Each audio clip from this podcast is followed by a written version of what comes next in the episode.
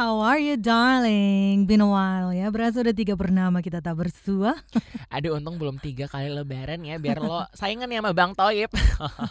Ke mana aja sih bun? Biasa, abis mantengin Bang Marquez di Mandalika. Lagi banyak agenda Beb. Abis event international MotoGP itu kan Ini gue juga lagi persiapan. Event kenegaraan KTT G20 di Bali Akhir Oktober mendatang. Aduh luar biasa ya Sapieners. Luar biasa halunya Bo.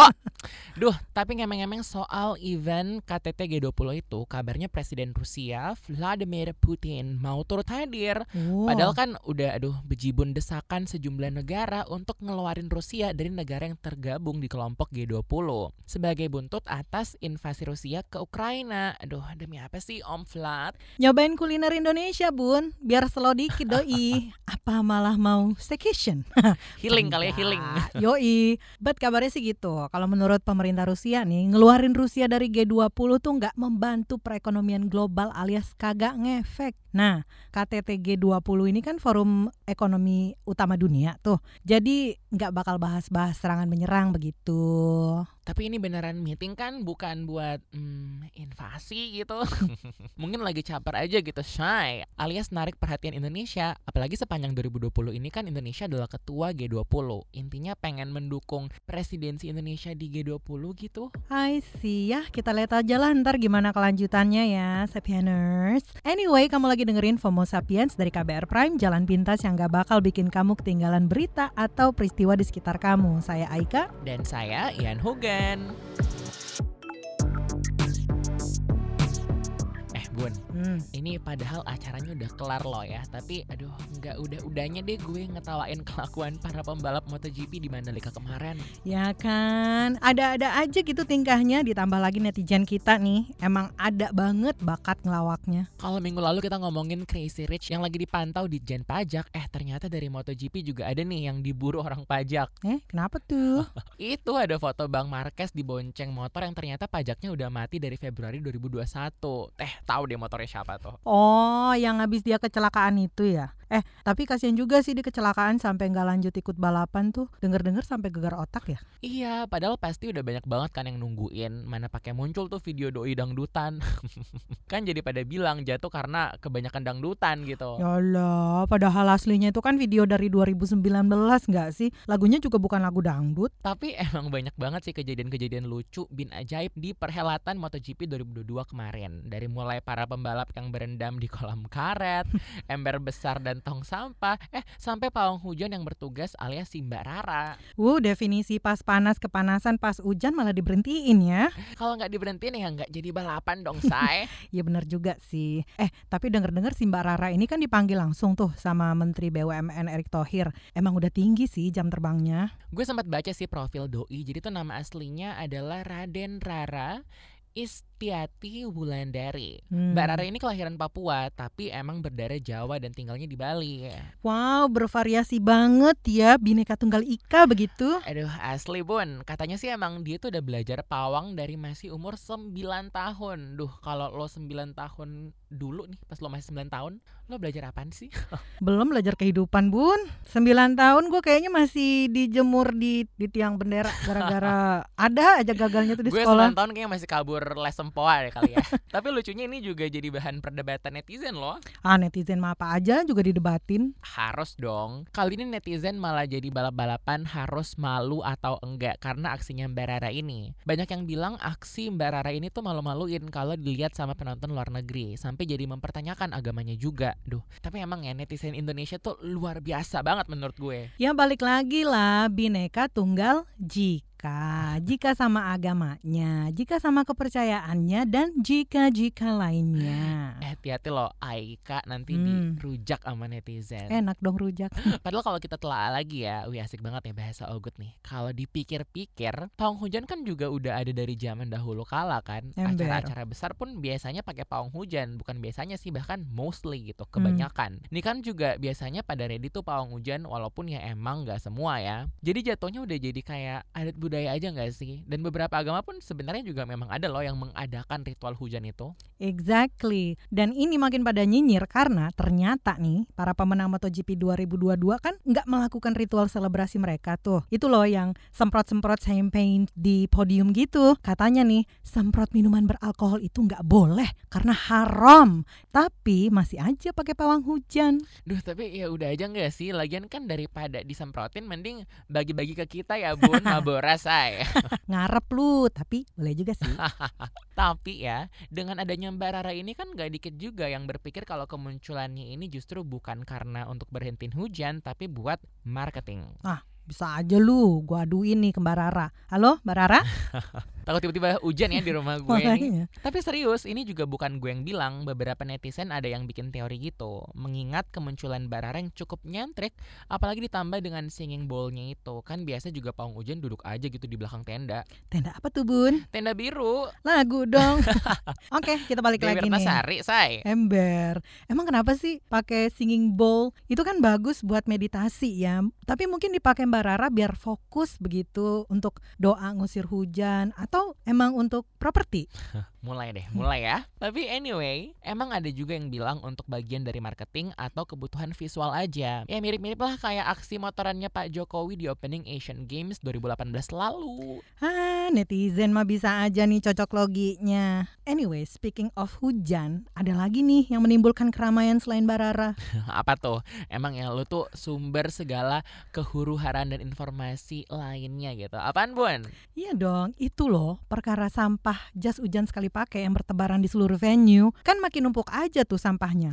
Wah, iya tuh. Dengar-dengar sampahnya bisa sampai 20 ton loh. Wah, Itu berat badan kita berdua dikali berapa ya kira-kira? kali banyak. Gue ngeliat juga thread yang ada di Twitter. Ternyata banyak banget variasi sampahnya. Dari jas hujan sekali pakai sampai kotak makan yang masih ada sisa makanannya pun ada gitu.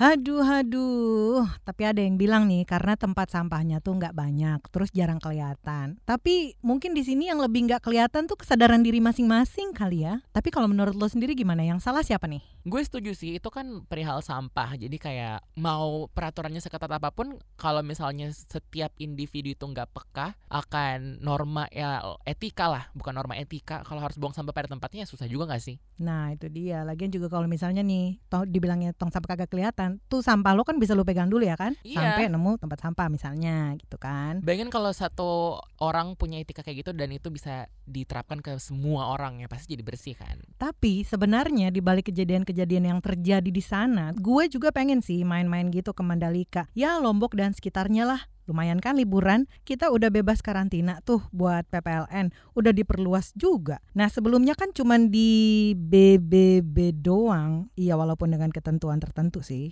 Apaan tuh BBB? Bukan bintang biasa Raffi Ahmad loh. Bukan, Bali Batam Bintan maksud gue. Oh, lagian ada aja deh singkatannya. BTW, BTW, BTW nih. Hmm. Kalau udah bisa jalan-jalan, berarti ntar lebaran udah bisa mudik dong. Nah, kalau yang itu sih agaknya kita masih perlu pantau nih perkembangannya. Kabarnya sih boleh-boleh aja, asal udah vaksin booster. Terus kalau belum booster berarti nggak boleh gitu. Wah, ini vaksin shaming nih namanya nih. Aduh, tenang dulu dong cantik. Kalau belum booster juga boleh kok, tapi tetap harus swab antigen dulu. Hmm, gitu. Berarti mah sama aja ya kayak aturan penerbangan baru ya. Kalau udah booster udah nggak perlu lagi tuh tes swab. Betul ya, kita doain aja lah semoga ntar menjelang lebaran nggak tiba-tiba naik lagi tuh kasusnya. Terus muncul lagi deh aturan baru. Oke, tunggu gue mau ngambil singing bowl dulu biar abis ini gue balik MRT nggak hujan.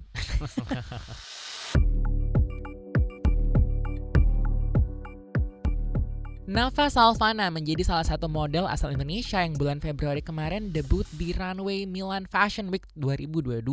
Duh, Nafa juga baru direkrut nih menjadi model di agensi Who Knows Models pada akhir November 2021 kemarin. Dengan cara yang aduh nggak bakal disangka-sangka deh Sapieners, yaitu direkrut waktu Nafa lagi makan di warung pecel lele. Waduh, gue juga pengen nih direkrut waktu lagi makan gitu kayak Nafa. Bayangin dah, gue lagi enak-enak makan sate taichan gitu kan, apa angkringan, terus tiba-tiba ada orang dari agensi ngajakin gue buat jadi model, terus tampil deh di New York Fashion ya beda kali Aduh. beda kali sate taichan lo. Tapi ya gue doain sih biar jadi amin paling serius gitu. Kalau sampai beneran kejadian sama hati-hati di jalan ya tentunya. Sip deh yang si paling tulus. anyway, kita mau ngobrol langsung nih sama Nafa si model yang tiba-tiba direkrut jadi model. Kayak tahu bulat yang digoreng dadakan. Hai Nafa Halo. apa kabar nih Nafa kamu udah sempet nafas belum atau lagi-lagi sibuk nih Masih ada beberapa jadwal sih, tapi ya dijalanin aja. Soalnya seru banget sih. Wah, bisa digambarin dong rasanya waktu debut tuh gimana? Rasanya bener-bener deg-degan banget. Bener-bener yang gak nyangka. I think it's one of like every model's biggest dream guys sih debut di Fashion Week 4 Big Four itu kayak Banget. wow aku aja nggak kenal kamu bangga loh sama kamu sayang Biasanya nih kan kalau model baru itu kan kayak ada tahap developmentnya dulu gitu ya dari dalam negeri. Tapi kayak khusus Nafa nih tiba-tiba majreng gitu bisa langsung debut kan di Milan. Coba dong passwordnya kenapa itu bisa tiba-tiba kayak wow aku debut nih di Milan gitu. Sebenarnya aku juga aku juga nggak ngerti kenapa ya. Kenapa harus di Milan dulu? Aku sebenarnya pengennya emang di Indonesia dulu. Cuman mungkin emang rezekinya di sana. Karena agensi aku yang di luar itu minta aku langsung Januari harus ke sana. Jadi belum sempat untuk ngambil job yang di sini gitu, Kak. Kamu inget gak sih kalau tanggal 8 Maret kemarin kan diperingati sebagai Hari Perempuan Internasional. Iya. Dan di tahun ini juga situs International Women's Day melakukan kampanye dengan tema hashtag Break the Bias biar nggak ada lagi stereotip pada wanita. Nah, Hmm. ngomong-ngomong soal uh, stereotip nih, Indonesia sendiri kan kebanyakan nih ya orangnya itu kan pada suka nyinyir. Kalau kulit kamu nggak putih berarti kamu nggak cantik. Nah, Nafa pernah nggak nih ngerasa insecure sama warna kulit sendiri gitu ketika jadi model di Indonesia ataupun di luar negeri? Sering, sering banget. Apalagi khususnya di Indonesia ya. Mereka kan lebih standar cantiknya tuh yang kulitnya putih, terus yang rambutnya lurus, terus yang gak terlalu kurus kayak aku gini. Terus sempet banget sih ngerasa yang sangat-sangat insecure gitu. Ternyata malah kekurangan aku di sini tuh malah jadi kelebihan aku di sana. Wow, sebuah plot twist yang menguntungkan ya Nafa ya. Plot twist. Another penasaran lagi nih, kan Milan itu juga disempat apa ya terkenal gitu sebagai market yang kurang mengakomodir model of color gitu. Nah Hmm. kalau dari pengalaman dan pengamatan Nafa kemarin sebagai model tuh kira-kira scene di Milan kemarin gimana sih? Cukup beragam dan berwarna kah sekarang model-modelnya? Atau dalam artian gak semua model sama gitu apa gimana? Iya, aku ngelihatnya model-model di sana tuh beda-beda gitu kak. Jadi emang ada yang kulitnya putih, kulitnya hitam, terus em, dari Asia juga termasuk banyak, tapi lebih banyak dari South Korea gitu. Kalau menurut Nafa, ada nggak sih perbedaan yang paling signifikan gitu dari cara pandang tentang standar kecantikan di dunia modeling Barat dan Indonesia? Aku ngelihatnya mungkin dari yang luar negeri ini, model-model luar negeri ini, mereka lebih terima natural muka kita. Jadi semua semua keunikan dari model-model itu mereka terima. Mungkin aku juga belum tahu sistem model di Indonesia kayak gimana. Jadi menurut pandangan aku sih semoga di Indonesia juga bisa ngelihat perbedaan-perbedaan itu sih Kak. Jadi kan ketika kamu merepresentasikan diri kamu gitu sebagai seorang model, apakah mereka tuh questioning about your nationality kayak Nafa itu dari mana sih asalnya atau emang kamu direkrut atau di book lah ibaratnya karena emang you as model bukan you as an Indonesian gitu. Setiap aku casting atau dapat job, mereka selalu nanya nationality aku dari mana. Dan Alright. kayak yang wow gitu wah ternyata ada ya model dari Indonesia gitu Seru ya, ternyata nationality juga membawakan sebuah berkah untuk kamu kalau gitu. iya Tapi kamu pribadi ngerasa nggak sih apakah itu memberi efek kayak oh itu udah jadi nilai tambah gitu atau sebenarnya identity aja? menurut aku jadi nilai tambah juga sih karena model-model dari Indonesia kan jarang yang keluar jadi aku bisa mempresentasikan ini loh Indonesia gitu Oh, sungguh mulia ya Nafa. Ini keren banget loh. Setelah dari debut kemarin gitu, what's next? aku pengennya semoga bisa runway di kota-kota lain sih kak aku harap Amin. Ada nggak sih negara lain yang kamu eh, masukin jadi kayak goals berikutnya gitu? London sama Paris karena waktu itu aku nggak nggak sempat di Paris gitu kak di Paris Fashion Week cuman di Milan aja kan Eh, tapi nih bocoran dikit dong setelah dari uh, debut kemarin di luar negeri, kalau klien di Indonesia sendiri gimana nih? Udah mulai banyak yang melirik dong. semoga ya tapi uh, waktu itu udah ada beberapa sih Belum boleh di spill ya kira-kira apa nih next projectnya di Indonesia. masih belum tahu Oke deh Nafa, thank you so much ya. Thank you ya Nafa. Lancar-lancar semoga tahun depan Paris Fashion Week-nya bisa terkabulkan. Amin. Hai Zins, lu udah nonton Jakarta versus Everybody belum? Sempet rame kan kayaknya di medsos nih, utamanya Twitter. Aduh, iyalah orang Indo mah kalau disuguhin berbagai adegan-adegan syur ya pasti langsung heboh. Tapi more than adegan-adegan syurnya, gue Hmm. gue personally belum nonton. Abis ini gue janji akan segera nonton. Oke. Tapi dari review-review yang gue baca katanya emang benar-benar mencerminkan hidup Jakarta undercover ya. Karena bayangin deh, bukan cuma soal adegan syur, tapi dia juga bahkan menampilkan adegan-adegan pengedaran narkoboy gitu. Hmm. Lembaga sensor film sampai komen kan soal ini. LSF khawatir produk permen dan susu yang dijadikan alat peredaran narkoba dalam film tersebut akan melayangkan protes karena produk-produk itu masih beredar sampai sekarang gitu. Walah, ya gimana ya? Kan Jakarta versus Everybody itu emang ngangkat tema kerasnya kehidupan ibu kota kan. Yang salah satunya ya soal peredaran narkoboy, which is emang beneran salah satu realita hidup di Jakarta. Tapi jangan digeneralisasi juga loh ya. Anyway, ngomongin soal realita kehidupan nih, selain perkara minyak goreng nan langka, ada hal lain yang aduh lagi seru banget nih buat kita pantengin bersama. Soal apaan tuh? Jet pribadi Juragan 99. Bukan Besti tentunya, tapi munculnya wacana e-voting untuk pemilu mendatang. eh, gimana gimana? Nih, open your ears, Sapieners. Jadi gini ya, let me spill the tea. Hari Rabu yang lalu, pemerintah lewat Menkominfo, Johnny G. Plate itu ngosolin sistem digital e-voting untuk pemilu 2024 karena menurutnya Indonesia udah mampu bin sanggup menerapkan digitalisasi pemilu yang paripurna ke tahap e-voting. Hmm. Apalagi sistem ini sudah diterapkan di banyak negara. Ibarat kata nih, masa kalah sama negara kecil kayak Estonia gitu. India aja udah mulai ngembangin pemilu berbasis digital. Eh, jangan salah Anda. Estonia itu kecil-kecil cabai rawit, say. Lu tahu Skype kan? Itu buatan Estonia loh. Soal teknologi, Estonia tuh udah maju banget. Mereka udah nerapin pemilu berbasis digital sejak 2005. Lah, Indonesia emang udah yakin tuh bisa berhasil. Bukannya dulu Komisi Pemilihan Umum KPU sempat nolak rencana e-voting itu karena besarnya potensi kecurangan alias manipulasi suara di tingkat rekapitulasi. Aduh, tapi gue setuju banget sih. Kayak negara kecil tuh harus dibedakan sama negara jujur. Nah, Nah, itu ya. Tapi gue tiba-tiba kepikiran deh soal keamanan cybernya juga. Belum hilang dari ingatan gue nih soal bocornya data kependudukan di Dukcapil tahun lalu itu. Duh, siapa yang bisa menjamin kira-kira keamanan data dan suara pemilih jika e-voting ini diterapkan nantinya? Kira-kira kayak gimana gitu? Aman atau enggak? Kita aja masih kalap kan kena serangan cyber. Terus juga situs pemerintah kayak Kominfo aja udah beberapa kali kan kena retas. Ayo. Gini deh, nggak usah jauh-jauh. Data pemilih di Indonesia itu kan dari dulu bermasalah. Dan selama ini selalu aja dimanfaatin untuk berbagai macam kecurangan. Contohnya nih, kayak Pilkada Nabire di Papua tahun 2020, itu kan sempat dibatalin sama Mahkamah Konstitusi. Terus diminta untuk pemilihan ulang gegara adanya selisih antara jumlah daftar pemilih tetap DPT dengan total keseluruhan jumlah penduduk. Yang pakai kertas aja bisa dicurangin, Bun, apalagi e-voting. Ini skrip gue loh, kok lo jadi ikutan pesimis? Tapi jujur gue juga pesimis sih. Your bad vibes is so contagious, honey.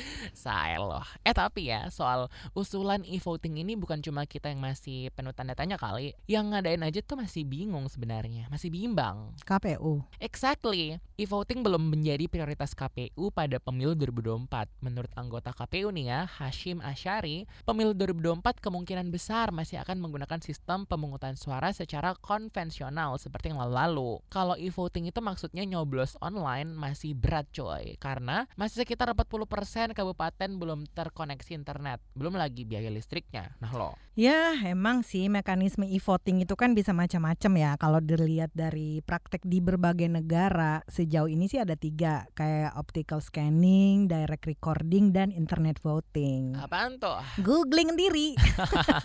Tapi apa pun metodenya ya, e-voting itu bergantung banget sama tingkat kepercayaan publik di suatu negara. Terus soal keamanan data suara yang tadi lu sebut nih, contohnya Jerman.